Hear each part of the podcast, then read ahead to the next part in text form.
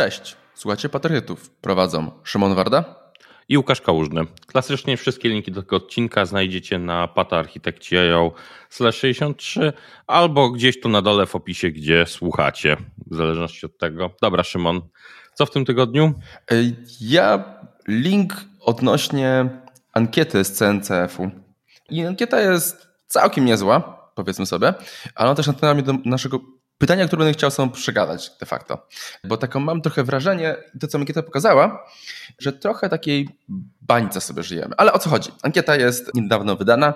Dzieli się na dwie grupy de facto. To jest bardzo ważne przeglądając ją. End user to są faktyczni osoby zarejestrowane w CNCF-ie, którzy faktycznie korzystają i non-end user. I o co tu chodzi? To, to są wartości zebrane przez firmy wspierające tę ankietę. Datadoga i Dynatrace'a. Czyli dwa popularne systemy do monitorowania, powiedzmy sobie. I teraz przejdźmy przez to, co ona pokazuje, jak poczyszy porównanie z zeszłego roku, czy będzie zeszłego zeszłego roku i 2022. I co się tam dzieje? Przede wszystkim fajne jest to, jak się zmieniają trendy, jak wykorzystywany jest w ogóle Kubernetes tak naprawdę. I widać, że bardzo dużo organizacji tak naprawdę korzysta z Kubernetesa, tak jakbyśmy się chyba zgodzili we dwóch tak naprawdę, że w formie jakiejś usługi chmurowej tak naprawdę. Czyli nie stawiają tego, nie monitorują tego sami na on-premie albo w samej swojej chmurze prywatnej i tak dalej, tak dalej, nie? To jest całkiem przyjemne. Jakie projekty, bo masz mówimy o całym CNCF, nie tylko Kubernetesie, zyskały na popularności? Argo, wiadomo, nawiązując niejako do poprzedniego odcinka. OpenTelemetry, super mnie to cieszy, bo przydałoby się to ustandaryzować. Linkerd, ciekawe, zaliczył spadek, ale ogólnie w statystykach serwis mesze jako takie zaliczyły wzrost. I to jest, muszę zobaczyć, bo jestem ciekawy, jakiego to jest porcja spadku, tak, bo to jest... Y, nie ma takiej dużej de facto, bo tam też właśnie zanotowałem sobie, teraz patrzę, ale to było pojedyncze wartości, chyba tam 19% coś w tym stylu, jak patrzyłem. Nie, bo tam to tak jak jest w tym, że właściciele, maintainerzy projektu mówią o stuprocentowym wzroście rok do roku użycia. No Czyli właśnie. Znaczy się, jestem ciekaw, jak tam jest, wygląda to dokładne przetasowanie.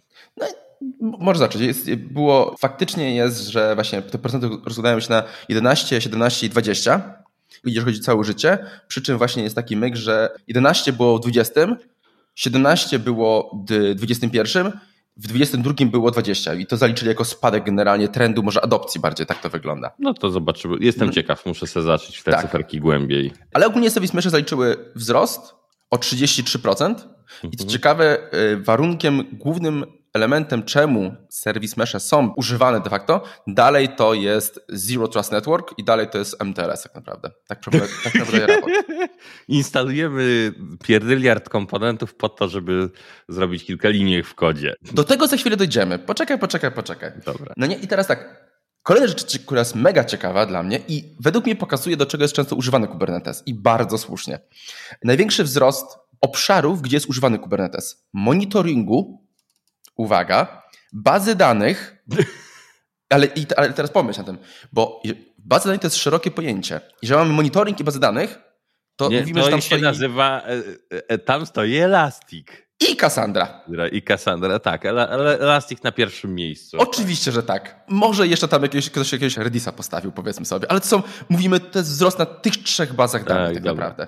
Dalej, messaging, messaging, messaging Kafka. Kawka, tak. tak. Z konfluencik pewnie. Co mnie zdziwiło, CICD. Nie wiem, co pod tym kryją, bo Wiesz, to, tego nie rozpisali. Nie, nie jest rozpisane, ale to tak idę o zakład, że chodzi o workery i inne zabawki.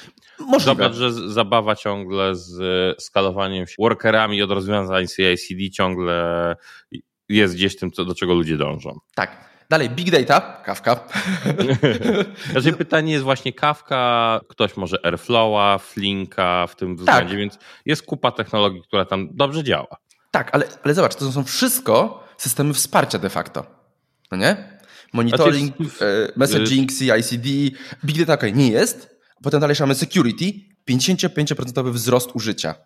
To są wszystko, więc Kubernetes wykorzystywany jest jako platforma do hostowania gotowych usług de facto, tak naprawdę wychodzi.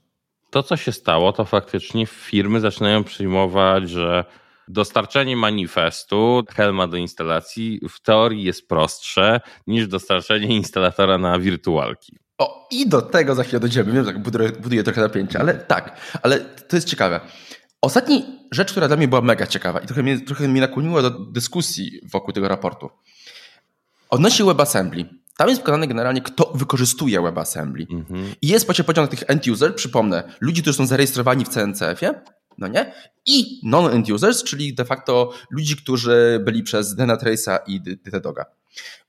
Osoby, które personalnie wykorzystały WebAssembly, end-userzy, CNCF, 35%, nie end-userzy, 18%. I moje teraz pytanie jest takie, czy de facto nie żyjemy w pewnej bańce, bardzo poważnej bańce? No bo 18% to jest mało, 35% to już jest sporawe. Tak Dobra, ale WebAssembly, jedna rzecz. Nie wierzę w te pytanie. Znaczy, pytanie jest dość ciekawe, bo pytanie jest, że do personalnego użycia, czyli kto, kto cokolwiek zrobi z WebAssembly, świadomie powiedzmy sobie, no nie? Ktoś odpalił cokolwiek właściwie. Więc no to jest dobre, jest, wydaje mi się. Raczej pytanie tak, tylko czy teraz my mówimy o WebAssembly jako backend runtime, czy mówimy WebAssembly pierwotnie jako backend runtime? Bo to było w kontekście właśnie, żeby WebAssembly jest przyszłością w kontekście kontenerów, że kontenery stały się the new norm, normalnością obecnie, z czym ja się bardzo mocno nie zgadzam tak naprawdę. Pa, ostatnie parę dni mi pokazało. Czyli cała zabawa new normal jest dla ludzi, którzy bootstrapują projekty. Tak, ale też nie do końca właśnie. Bo teraz dochodzimy do, skończąc ten raport.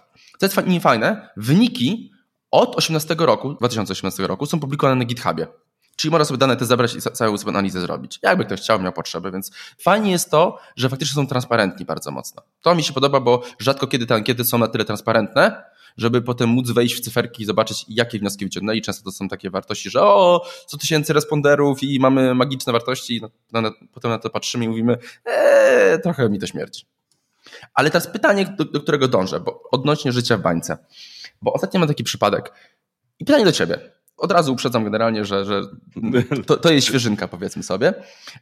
Czy jest sens wchodzić w architekturę serwisową, slash mikroserwisową, wiemy, że tego mikrosłowa nie lubimy, jeżeli twoim deploymentem będzie IIS Windowsowy albo Linux, ale nie orkestrator.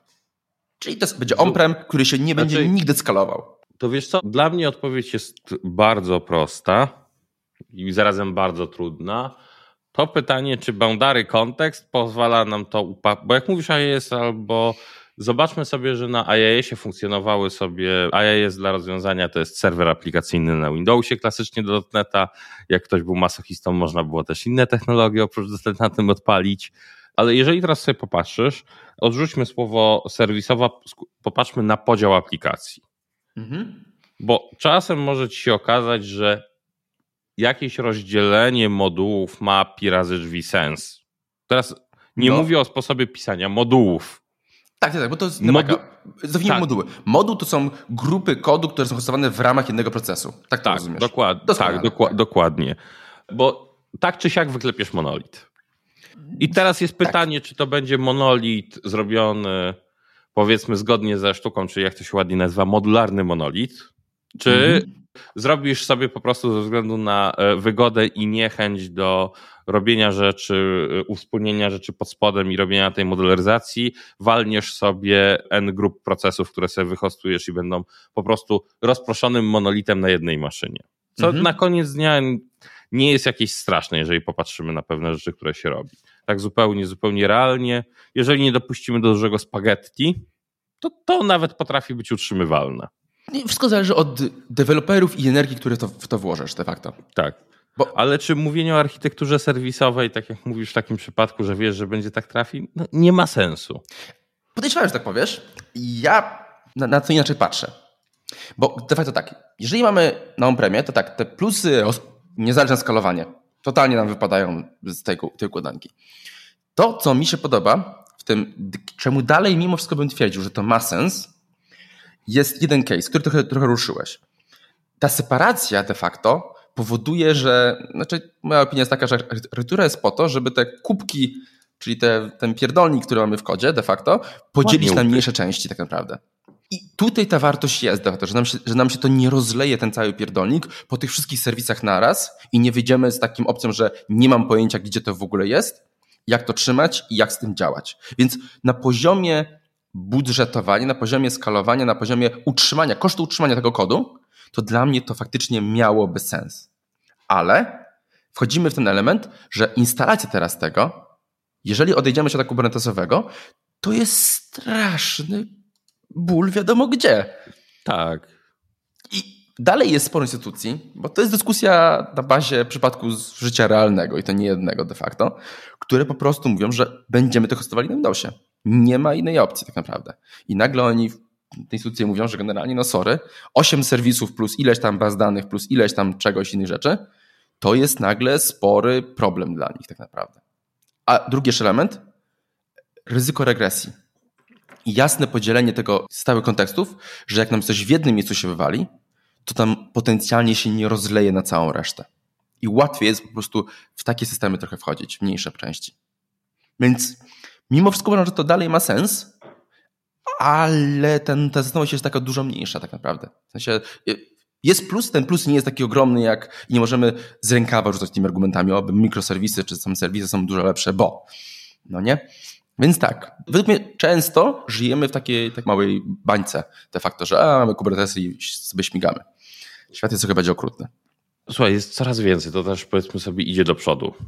Tak. I to mocno. I to, wiesz, jeżeli cofniesz się, rzuć teraz trzy lata temu. Jeżeli cofniesz się trzy lata temu, czasy przedcovidowe, a porównasz do to, co jest teraz, to dostępność technologii jest ogromna, kompetencje nadal są gdzie były. Tak.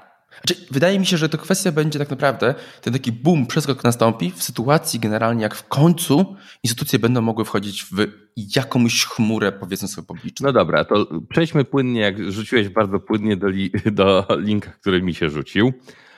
No właśnie, jest takie fajne pytanie, czy będzie ucieczka z cloudu, czy nie. Pojawiają się takie szmery. No. Tak, szmery i na kanwie czegoś to pokazało. Ostatnio Microsoft parę rzeczy tam zmieniał w pricingu. Mm, I dolarowy pricing się nie zmienił, walutowy został, że tak powiem, dorównany inflacją. Na przykład, że rachunki gdzieś tam przy euro, duńskich koronach poszły 11%, szwedzka 15%, punty 9% rachunki za ten cloud, w zależności od umowy, bo to jest bardziej skomplikowane. I rzecz, która jest tutaj właśnie całością, to jest jedna, że ta nie mieszkasz w Stanach, to jest ta niepewność rachunków innych rzeczy. Troszeczkę. No, to jest sytuacja. Kwestia walutowa, ryzyko. Tak, to firmy tak. umieją ogarnąć, nie oszukujmy się, po prostu odpowiednio, że kupujemy walutę na tak to. Dalej. Y, I druga rzecz, która jest ciekawsza, to, że tak jak mówimy, że Kubernetes jest skomplikowany, pójdźmy zrobić enterprise'ową chmurę. To dopiero zaczyna się robić skomplikowanie. No właśnie, bo znaczy to jest ten element, który. Czy, czy będzie ucieczka z chmury? Bo były artykuły e, odnośnie I ciągle tego. się pojawia, to jest, raczej to jest tak jak rok Linuxa na desktopie. Zresztą autor tego artykułu to też e, wrzucił w ogóle wstępnie, jak zaczął od tego, czy będzie to rok tak jak e, właśnie Linux na desktopie. Ale zobacz, czy, czy w tym momencie, bo uciekając z chmury musielibyśmy podarować sobie wiele rzeczy. Storage w chmurze jest tańszy jest. I to, I to jest rzędy wielkości tańsze po prostu. Możliwość budowania, wybudowania osobnego Disaster Recovery Center to jest tak. ogromny koszt, to są, tu mówimy o latach, żeby to zrobić w ogóle. Raczej tak, ceny w ogóle spadają, że tak powiem. Latach tak. może nie, ale ceny tak, ceny tak. Musielibyśmy teraz high availability i wszystkie rzeczy, których nauczyliśmy się, że nagle możemy skalować się w górę, w dół, nagle mówimy, ok, nie możemy tego zrobić. E, całe skalowanie, monitoring, Ale dobra, wiesz, wszystko, teraz... to jest nierealne. Nie odejdziemy od tego, bo zbyt dużo rzeczy się nauczyliśmy wykorzystywać. Znaczy, uczyliśmy. Organizacje, które zaczęły to wykorzystywać de facto, wykorzystują te możliwości chmury, nie wrócą, bo to faktycznie to ma wartość swoją i to wartość dużą. Całe security wokół tego, obserwowalność, dostępy. Wyobraź sobie teraz wrócić do zarządzania VMware'em albo Hyper-V? No nie. Ja nie, ale to przecież ciągle istnieje istnieje, bo musi istnieć, bo faktycznie niektóre stosowania odnośnie tego system twórcy Ruby on Rails, on, oni faktycznie mają sens, żeby oni wrócili tak naprawdę, bo mają system, który doskonale znają. Ale ile organizacji, nie startupów, jak korporacji, powie, OK, to teraz znajdziemy tych ludzi z powrotem, jakich przez wiele lat uczyliśmy, że nie, nie, on-prem nie istnieje, to się uczcie teraz chmurę. Znajdziemy tych ludzi z powrotem, zatrudnimy, będziemy im płacili, kupimy sprzęt, kupimy miejsca, tak dalej, tak dalej i postawimy to wszystko samodzielnie. No wiesz, nierealne. Teraz, wiesz co, raczej ty mówisz, że nierealne, a teraz zobaczmy sobie z drugiego punktu widzenia, który jest ciekawy i to mówi, że de facto mm, to jest już y, nie pierwszy raz, bo to było też przecież ten artykuł, który był z Heycom, inaczej. Zobacz, że te workloady tak naprawdę one aż tak bardzo nie rosną i się nie zmieniają i okazuje się, że jeżeli posiadasz już tradycyjny data center, to może się okazać to tańsze do hostowania, jeżeli wyrzucisz cały fancy model. Zgadza się, tak. Jeżeli generalnie posiadasz i jeżeli mówisz, OK, kontenery, ne, po prostu, i jeżeli robisz taki hosting typowo na VM-kach, to, jest, to, to będzie tańsze i będzie łatwiejsze. I sporej części organizacji faktycznie... To wystarczy. Wystarczy, wystarczy. Tylko teraz moje jest takie pytanie podstawowe. Super fajnie, tylko z realia są teraz takie. Mamy ludzi, cały development jest CV-driven development i ludzie chcą przychodzić i jak będą mieli problem zatrudnienia za ileś tam lat, jak powiedzą, że nie, my chodzimy na tam powiedzmy do ten frameworku, yy, który nie jest wspierany. Raczej wiesz, to może zostawmy kod od braku fancy technologii, bo to akurat możesz się upgrade. Raczej chmura na tobie to wymusza upgrade'owanie, co jest przyjemniejsze, tak. ale patrząc się na to, czy ten CV-driven development Wiesz dobrze, jak kałowe technologie w takich Fortune 500 istnieją i w jaki sposób się zatrudnia ludzi do tych projektów. Tak. Do, do, do, I sorsuje. Y, zamiast płacić chmurze, płaci się często ludziom albo generalnie zostanie się dużą grupę juniorów. Y, tak, więc tutaj wiesz, mówienie, że nie zatrudnisz. Nie, ale jest to... Mm, temat, ja mówię, to jest gdzieś tam mój zakład czy wiesz co, może nawet nie powiedzmy, że wracanie z projektami, ale nie odpalanie nowych projektów w chmurze. To byłoby lepsze określenie. Tak, że to jest lepsze, bo powrót jest za ciężki, ale za to nie odpalanie nowych projektów to jest ciekawsze stwierdzenie. Z tym bym się zgodził, tak. Wydaje mi się, że czy organizacje przejdą full na, na chmurę? Dużo będzie chciało przynajmniej utrzymać hybrydę. I to będzie. Hybryda, już z tym słowem, ja już nim wymiotuję. No, ale dobrze, dobrze określa to, to, o co chodzi de facto, że tak. to i to, łączymy obydwa światy, nie podejmujemy konkretnej decyzji, że tylko to, tylko to. No bo wiadomo, że też takie mocne decyzje organizacji mało kto ma odwagę podjąć, więc wszyscy mówią, a spróbujmy tego, trochę tego, trochę tego i nagle mamy 25 różnych systemów, które robią to samo dokładnie. I na tym się to może skończyć, jak najbardziej. Dobra, to co, kończymy? Kończymy. Trzymajcie się, hej. Na razie, hej.